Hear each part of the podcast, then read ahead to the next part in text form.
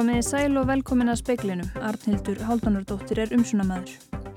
Embætti landlæknis lítur rannsókn á andlátum sex sjúklinga á heilbriðistofnun Suðurnesja alvarlegum augum.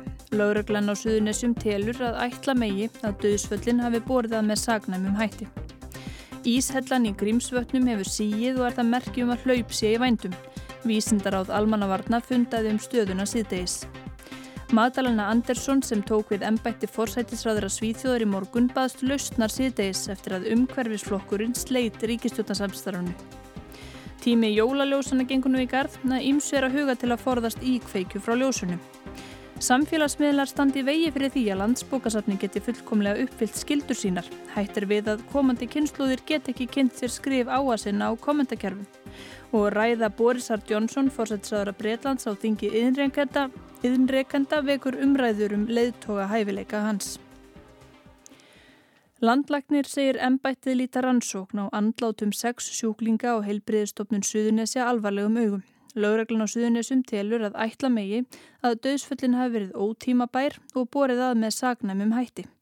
Meðferð fimm annara sjúklinga er einnig til rannsóknar en lögregla hefur raukstundan grun um að þeir hafi verið skráðir í lífsloka meðferð að teilefnislausu og með því hafi öryggi þeirra verið ógnað. Læknir og helbriðistarsmaður hafa réttarstöðu sagbornings í málinu. Alma Möller er landlæknir. Ég get nú ekki tjáð mig um, um einstakt mál en við munum í ljósi frétta dagsins uh, óska eftir frekari upplýsingum frá lögreglu. Lítur þetta alvarlega með? Já, við höfum gert það frá upphafi og, og vandað okkur mjög í, í kringum allt þetta mál.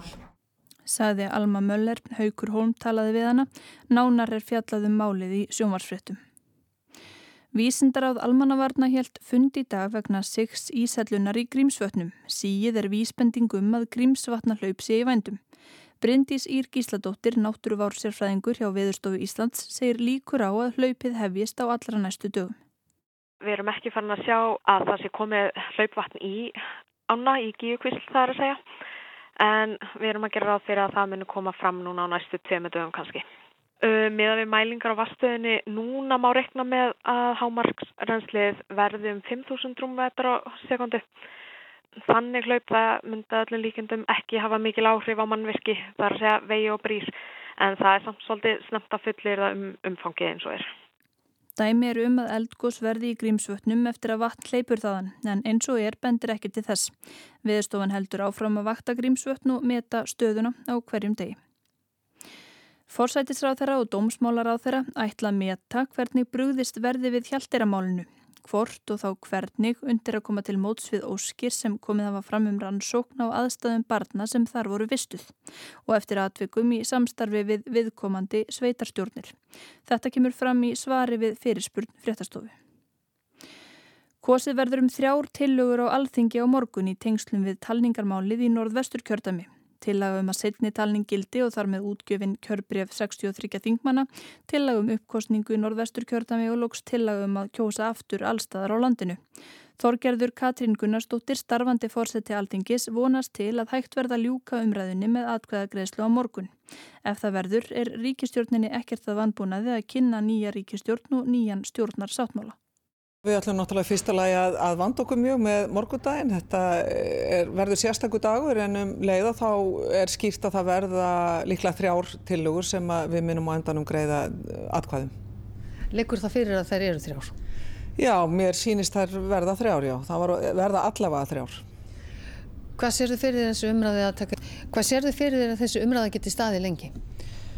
Það er erfitt að segja til um en, en ég ætla að leifa mér að, að binda vonu við það að þetta klárist á, á morgun en, en þetta fer auðvitað eftir, eftir hverju mænu þingmann en þetta er risa mál.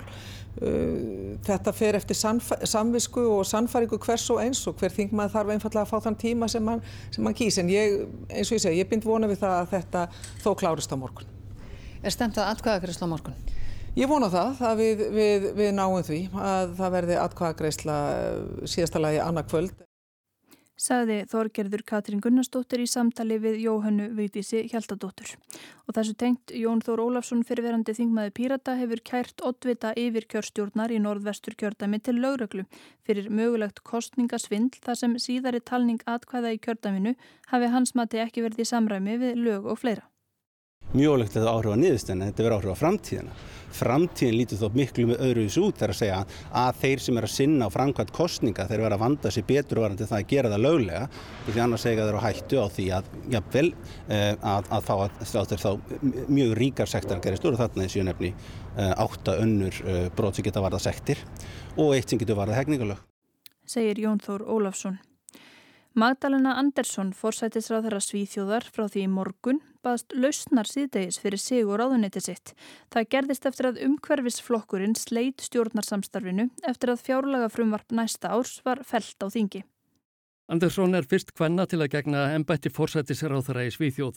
Rúmlega sjö klukkustundir liðu frá því að þingi samþykti með naumyndum að fela henni stjórn konungsríkisins þar til hún greindi frá afsögn sinni. Það sagðist hún hafa gert til að fylgja hefð Ef flokkur hætti stuðningi við stjórnina bæri henni að segja af sér og hún vildi ekki stýra stjórn sem hægt væri að efast um að væri lögmætt. Tíðindin þurfa ekki að koma með öllu á ofvart. Miðflokkurinn sem stutti að Magdalena Andersson tæki við forsættisráþara ennbættinu af Stefan Löfven hafði líst við yfir að hann geti ekki stuttu fjárlaga frumvarp stjórnarinnar. Borgaraflokkarnir náðu þar með sínu frumvarpi fram. Þegar eh, forsvarsmenn umhverfisflokksins tilkynntu að þeir hefðu slitið stjórnar samstarfinu, sögðu þeir að eh, flokkurinn gæti ekki hugsa sér að starfa samkvæmt sögulegum fjárlögum sem svíþjóðardemokraterni hefðu áttist þátt í að semja. Óvist er hverjar næstu vendingar verða í sænskum stjórnmálum en Magdalena Andersson greindi frettamannum frá því að hún hefði tilkynnt Andreas Norlen, þingforsetta, að hún var í tilbúin að stýra eins flokks ríkistjórn jafnaðarmanna flokksins. Áskir Tómasson segði frá og við ræðum stöðuna við fréttarittara okkar í Gautaborg síðar í speklinu. Lauraglun á höfuborgarsvæðinu fekk 1200 tilkynningar um hverskins brot gegn sóttvarnalögum á sitt borði fyrra. Í lang flestum tilvikum lágu karlmenn undir grun. Þetta segir í ný útkominni árskíslu lauruglunar á höfuborgarsvæðinu. Í henni segir að COVID-faraldurinn hafi einkjent flest þörf lauruglunar í fyrra. Íslendingar hafi búið við fáránlega veruleika og því snúið að lesa í afbrótatölfræði ársins. Þannig fækkaði umferðalagabrótum umtalsvert frá fyrra ári, enda umferð á laungum köplum í lámarki vegna samkomu dagmarkana. Umferðasleisum fækkaði sumuleiðis en fjögur banasleis urði í undaminu, samanborðið ekkert árið 2019. Að samaskapi fækkaði fíknefnabrótum og færri nöðganir voru til rannsóknar í fyrra en árið áður. Hins vegar fekk laurugla sama fjölda tilkynningum innbrot og þjófnaði og ekkert dró úr tíðni líkamsárosa. Nýr málaflokkur var til þar sem það kom í hlutur lauruglu að hafa eftirlit með framfyllt sóttvarnaregla. 1200 tilkynningar bárust lauruglu um slík brot, þótt ekki nema ein af hverjum tíu hafi gefið tilefni til nánari aðtugunar. Í 80 tilvikum var grunur um sóttvarnabrót og í 50 tilvikum grunur um brot gegn sóttkví og einangrunn. Karlmenn voru miklu meira hluta grunnaðra og var meðal aldur þeirra 38 ár. 300 miljónar krónar halli var á rekstinum í fyrra og hann skýrður með afturvirkum hækkunum kjærasamninga og hækkunum orlofskuldbendinga umfram áallanir. Uppsafnaðar halli lauruglunar á höfuborgarsæðinu er 400 miljónu króna og segir lauruglustjóri í ingangs áarpi að embættið þurfu aukið fjármagn til að sinna betur hlutverki sínu. Magnús Geir Ejjólfsson tók saman. Þó að aðvendan sé ekki gengin í garð eru margir búinra að skreita og láta jólaljósin vinna á skamdeginu. Þá eru stórar skreitingahelgar í uppsiklingu og ekki úr vegi að fara yfir hvað getur farið úrskeiðis.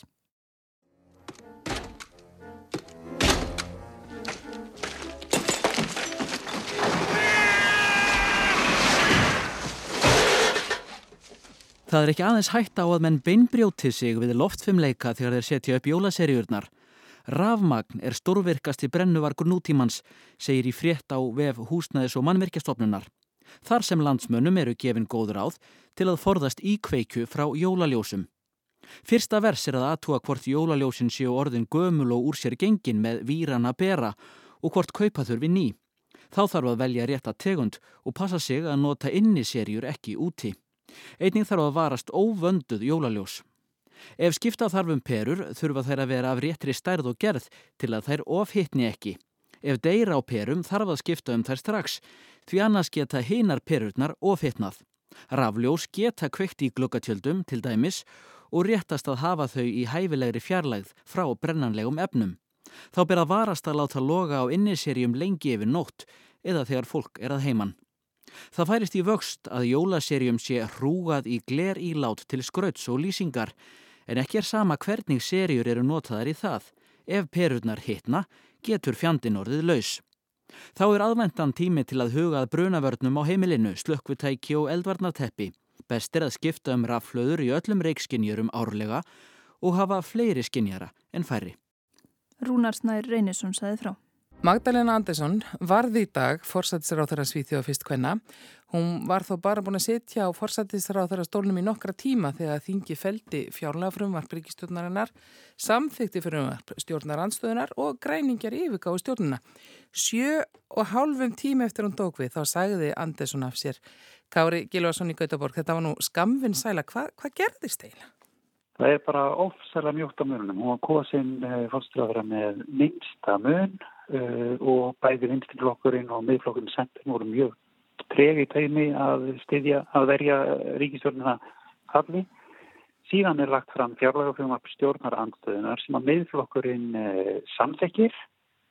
Græningjar segja, nú fyrst að við fáum ekki byggja í gegn og miðflokkurinn vil ekki vera með okkur því, þá getur við ekki tekið þátt í þessari ríkistjórn, hætta Þar með er samstipistjórn ekki lengur samstipistjórn og Andersson segir ég þarf að enda nýja, nýja undan mitt ef að jafnamenn eða vera einir í þessari ríkistjórn og segir af sér og líklega verður kosið manna aftur á næstunni og, og þá sem fórsættisræður er í ríkistjórn það sem einungis jafnamenn sitja. Græningar hafa sagt að vera eitthvað stiðjast líka stjórn. Þannig að eru nokkra líkur á því að hún verði fórsættisræður áfram og miklar í raun? Já, eða, eða aftur eða aftur, já. En af hverju er svona mikill órinleiki í politíkinni Svíþjóð? Já, það Svíþjóð nú kannski þekktar sem landstöðuleikans, hérna voru jafnaðmenn eh, í fórsætti ríkisjóðnar í rúmlega 40 ár og síðan tvær mjög skýrar blokkir í politíkinni, vinsteiblokk og, og svo hægri blokk sem í voru moderatana, kristilegi demokrater, frjálslindir og, og svo miðflokkurinn. En svo koma Svíþjóðdemokratinir inn á sviðið og það er flokkur sem á rætur í hreyfingu nýnasista og aðri flokkar hafa harðneita að vinna með eða, eða einu sinni ræða við fulltrúa flokksins vegna þessa upplunna flokksins. Eh, og það var ekki flokk í fyrstu árum vegna það í fyrstu kostningunum á fjekanum bara örfa á aðpæði en kom sér inn á Þing 2010 með tæp 6% atkvæða og í síðustu kostningum 2018 það fær flokkurinn næstum því 18% atkvæða Það þýðir að hverju blokkin í pólitíkin er með nóg og við takar langar viðræður og lókum verður minni hlutastjórn jafnaðananna á græningja með stuðningi yfir miðina frá hægri flokkunum, e, frá hægri flokkunum, frálstendum og, og, og miðflokkunum. Þetta hefur verið mjög flókið og, og hérna fyrirhundi fósettisráð þeirra og formann í jafnaðananna hefur Stefán Löfven var leiðinni á hálsi fyrir það að verið bara að reyka hægri stefna vegna þess að hægri flokkun setjum mjög ströng skiliði fyrir uh, eh, ríkstjórnarfáttöku. En, en hvers vegna er það ekki bara myndu hægri stjórn? Það hefði verið hægt og hægri flokkarnir í móti ratana og kristilegi demokrata fyrir hörmunu þá mjög á sínum tíma að uh, eh, Selden og Frjálfsendir væri ekki til í að mynda hægri stjórn með þöglum stuðningi síþjóðdemokrata og lofuð því líkum leið að síþjóðdemokrata myndi ekki fá neinn áhrif.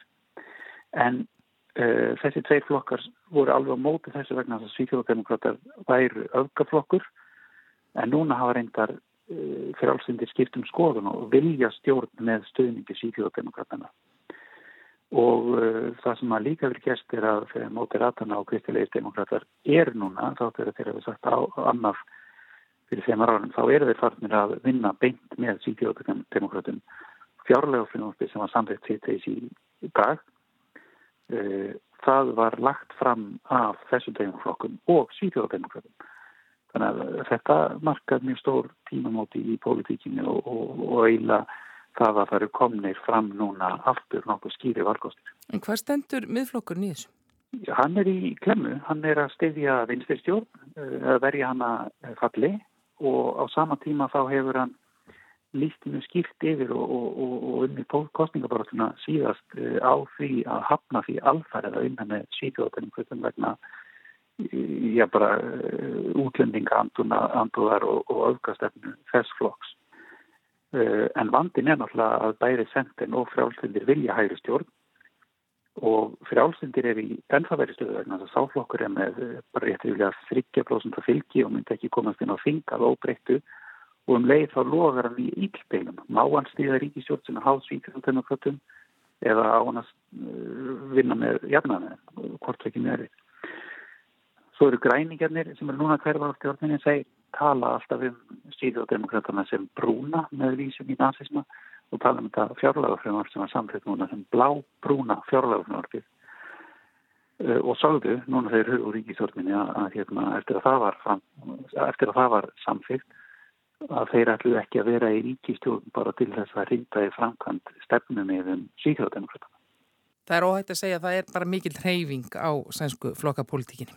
Já, það er mikill órói og, og saman tíma er verið að reyna að koma samfélaginu og efnarslífinu og heilbíðutjörðinu hann aftur í þólumætt ástand eftir heimsfaraldurinn og, og það er líka gríðalega mikið rætt um stípulega glæpastarfsemi sem að réttakerfi veriðist ekkert geta tekist á við og svo eru líka kostningar eftir bara tíu mánuði næsta haust.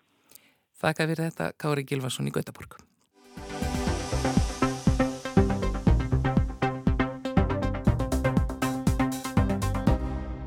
Vef söfnunar tól landsbókasaps Íslands nær einungis að fanga hluta samfélagsumræðu dagsins í dag því samfélagsmiðlar leifaði ekki að taka afritt. Gamlar bloggsýður verða aftur um móti varðveittar um ókomin ár. Vefsapn landsbókasapsins tekur reglulega afritt af íslenska internetun eins og það leggur sig og hefur gert í tæp 20 ár. Það heldur til dæmis utanum fjölda bloggsíðina frá árdugum bloggsins. Á gömlum blogg Central slóðum á finna ímsa fjársjóði. Já, þá komum tíma á smá blogg. Síðasta helgi var bara róleg hjá okkur fjölskyldinni. Við gerum ekkert á föstu daginn og svo fórum við í sumabústað hjá ömmu og Ava Jóns. Ég ætla að vera töff öllu lífristegi. Ég ætla sko ekki að vera eins og flestir gamlingar sem að jafla á kjálkanum á sér og telja brúnu flekkina og handabækin á sér allan daginn og horfa svo á matlokk eða gíslamartin á kvöldin. Mér hefur búið að vera að dreyma hérna undarlegustu drauma undarfarið. Gamla kunningja og vinur frjálsum, æfingastöðar, mm, hátalara brotna í tætlur, mm, undarlegt. Hvað ætla þetta að búa því? Landsbókasafnið geymir þetta allt og miklu meira til. Ég er Kristins Sigursson og ég er yfirmaður stafrætna verkefna og þróunar hjá okkur. Þetta á endanum snýst um að uppfylla hlutverk okkar sem skildu skilasafn. Það er að segja safn sem að þölsafna útgefnu efni að, og það voru sett lög 2002 sem að útvíkuðu þetta frá prentuðu efni yfir í rafrænt efni, alls konar rafrænt efni og, og uh, þar meðan tali náttúrulega það sem kemur út á internetinu. Þannig að við höfum verið að safna því með það fyrir augum að, að að þessi hluti menningarafleðanar að týnist ekki. Sapnið telur nú um 5-6 miljardar vefsíðina og það bætist sífælt í en það sífælt verða að taka afritt af íslenskum vefsíðum. Fréttavefur Rúf er þannig til í 130.000 eintökum og er einn mest afrittaða vefsíða landsins. Ég hef nú svo sem ekki krónutölur á því en þetta, þetta hleypur þá orðið á nokkru miljónum ári og vext náttúrulega bara árið til árs. Eh, þetta er hýst í sem sagt sem stendur, við erum, er, við erum eitt afrit hérna nýri kellara í þjóðbóklöðinni sem er, er hýst á okkar velbúnaði. Við erum með annað heildar afrit hjá íslenskum skíaþjónustu aðila, þar sem við erum bara með þjónustusamning og við erum að vinna því að útbúa þriðja neyðar afrit sem myndi vera hjá erlendum skíaþjónustu aðila til að tryggja svona öryggið jafnvel, jafnvel þó að eitthvað kom upp hérna innanlands. Hæ, ég er að hlusta á geggjagó lög með Fergie, þau heita Fergalicious og London Bridge. Þessi lög er inn á radioblog.com og þá skrifið þið Fergie og þá getið þið fundið þessi lög, svo getið þið líka fundið önnur góð lög. En ég hef ekkert meira að segja. Það hlaut að koma að því að kreppan myndi ná mér. Í dag fekk ég mér í mesta sakleysi kaffi í háskóla bíó og ætlaði mér að setja lók á plastbollan því ég ætlaði að hafa hann með mér inn í tíma. En viti menn, það voru engin lók og konan saði að þau væri ekki til á landinu. Vöruskorturinn farin að segja til sín. Landsbókasafninu gekk ágætlega að ná utanum samfélagsumræðin á netinu hér áður fyrr en nú er staðan breytt. Hreinskiptnar bloggfæslur í opnu aðgengi heyra mestu sögunni til. Stjórnmála umræða og almennt dægur þras hefur á síðustu 15 árum færst í auknum mælin og samfélagsmiðla og þar hafa til dæmis farið fram ótal millumerkja herrferðir, til dæmis MeToo og Kæra Eiglú. Þessu efni geta vefsöfnunar tól landsbókasapsins ekki sapnað. Ja, því miður, nei. Um, Facebook, Instagram og, og raun og allir þessi samfélagsmiðlar eru hannaðir hreinlega til að koma í veg fyrir að sé að sapna efnið af þeim uh, með skipulugum hætti. Þeir eru nota alls konar tæknilega rástafanir. Það er ekki bara eins og sumi vefir sem eru erfiðir að sapna vegna þeir eru óheppilega hannaðir, heldur eru þessi fyrirtækir hreinlega að reyna að koma í veg fyrir svona hefðun. Uh, upplýsingarna sem þeir geima eru náttúrulega þeirra helstu viðskipta verðmæti Það væri hægt að sapna efninu handtækt en sapnið hefur ekki mannablaði það. Okkar venjulegu vefsumnatól er að sapna, að sapna hundruðum slóð á hver einstu sekundu. Hýrt fyrirkomulagi að þá ert að sapna einn og einni slóð uh, bara svona rétt eins og þegar þú vafra sjálfur um netið. Það er miklu hæ, hægengara og, og tímafrekara fyrirkomulag.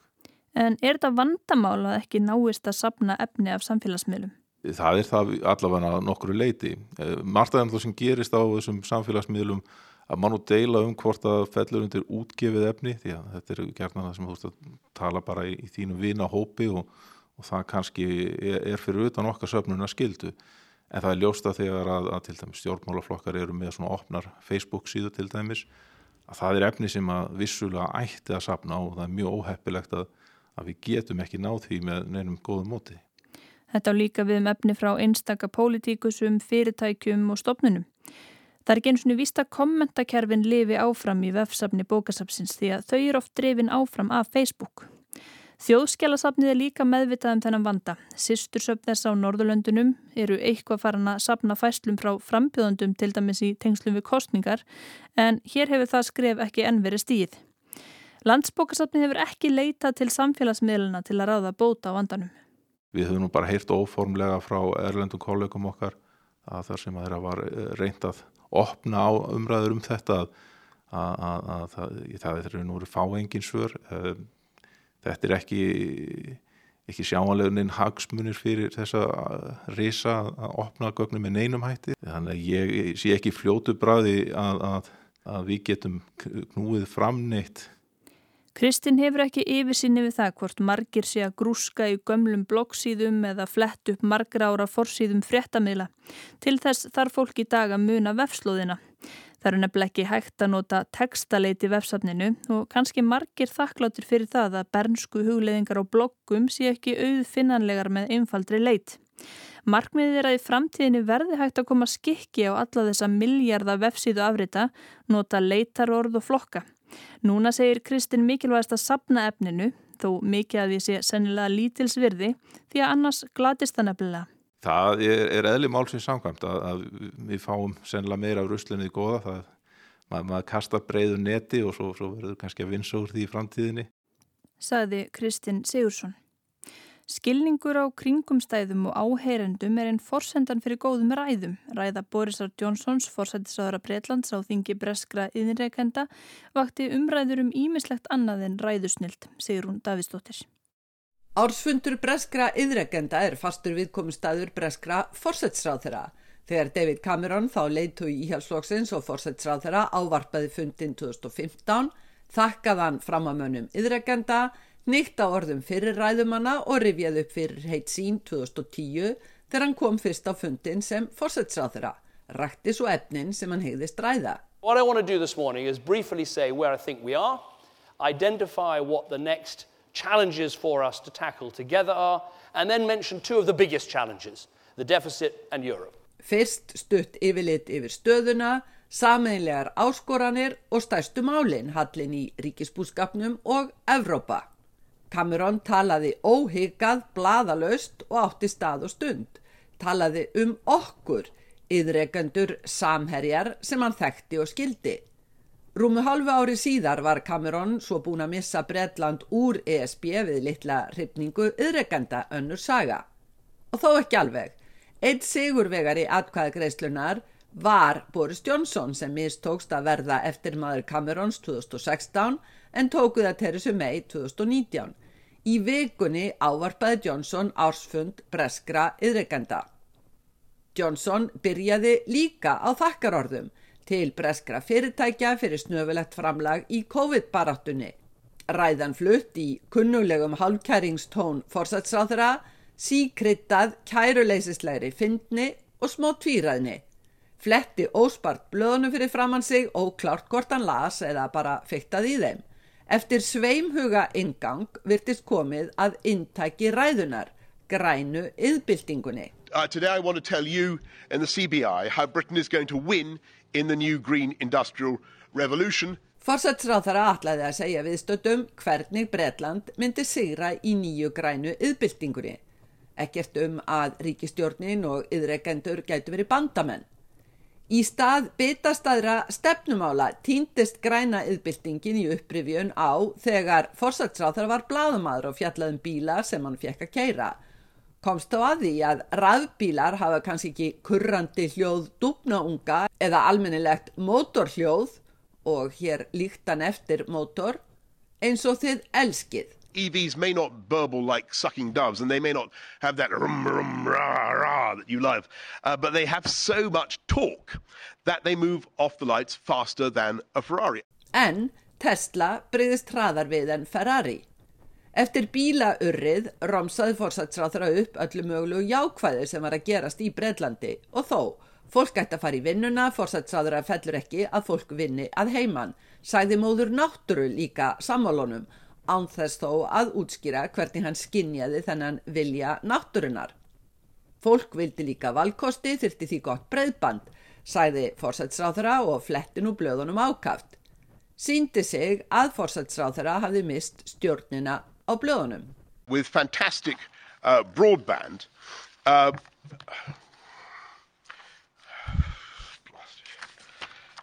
uh, Forgive me. Forgive me. Forgive me. Rúmar 20 sekundur með más og blási og þremur afsökunarbeinum virtust eilíðar langar en þá voru blöðin aftur í röð áfram að flett. Forsatsáþara betti á að ríkistjórnir björguð ekki málum nema, jú, í fjármálarhemmingunum 2008 og eins núna í COVID ættu annars að gera sem minnst. Forsetsráðra hafði líka fundið Breitlandi óvænta fyrirmynd, Gurru Grís. Hands up anyone who's been to Peppa Pig World. Not enough. I was, well, it's, it's fantastic. I was a bit hazy what I would find at Peppa Pig World, uh, but I loved it. And Peppa Pig World is, is very much my kind of place. Réttu upp hendur þeir sem hafi verið í Gurru Grís skemmtigarðinum, nei ekki nóg margir. Hann hefði verið óklar á hvers þar væri að vænta en reyndi staður að hann skapi, saði fórsætsráþurra. Gurra Grís væri dæmi um breska sköpunargáfu sem hefði orðið að stóriðnaði, blessun nú þegar græna innbyltingin blasti við. Í ræðu fórsætsráþurra við annað tækifæri sama dag rætti hann líka Gurru Grís en frekar Gurru stefnan hugsalega viðvarandi. Þar með var erindið úti. Eitt frettamæður spurði fórsætsáðra hvort allt var í lægi. Já, fórsætsáðra hjælt nú það. Ræðan tekist vel, fannst honum. Í frettatilkynningu fyrir ársfundin höfðu yðregandarsamtökin líst yfir vilja til að leggja sitt að mörgum í að jafna aðstöðumun landsluta aðal stefnumál Johnsons. Virtust þarna hafa fundið sátt á samhljóm við stjórnina eftir brexit-deilur undan farin ár en Johnson var ekki þarna til að hlusta. Eftir ræðuna voru fjölmiðlar fullir af tilvittnunum í nafngreinda yðrekendur sem lístu því fullum fetum að fórsætsráðara hefði ekki haft neitt fram að færa og virtist ekki hafa vitað hvar hann var. Kér Starmer, leðtói verkamannaflóksins, flutti líka ræðu á yðrekendafundinum. Rækilega undirbúin feipaðist hverki, mjög fórsætsráðaralegur. Hvernig munurinn skila sér til kjósenda er annað mál, Breskir fjörmiðlar eru hins vegar fullir af aðtóasemtum frá ónafgreindum stjórnaþingmanum sem líst ekki á bleikuna í hálfkæringslegum stjórnartöktum Johnsons. Og veðurhorfur vestan og suðvestan all kvass eða kvass vindur í nótt með rigningu en snjókomi norðan á austalands. Snýst í all kvassa norðan átt á morgun en stormur á suðausturhorninu. Jél norðan til en byrtir til siðra og hiti í kringum frostmark. Fleiri ekki spekli kvöldsins, Magnús Þorstedt Magnússon sendi út, verið sæl.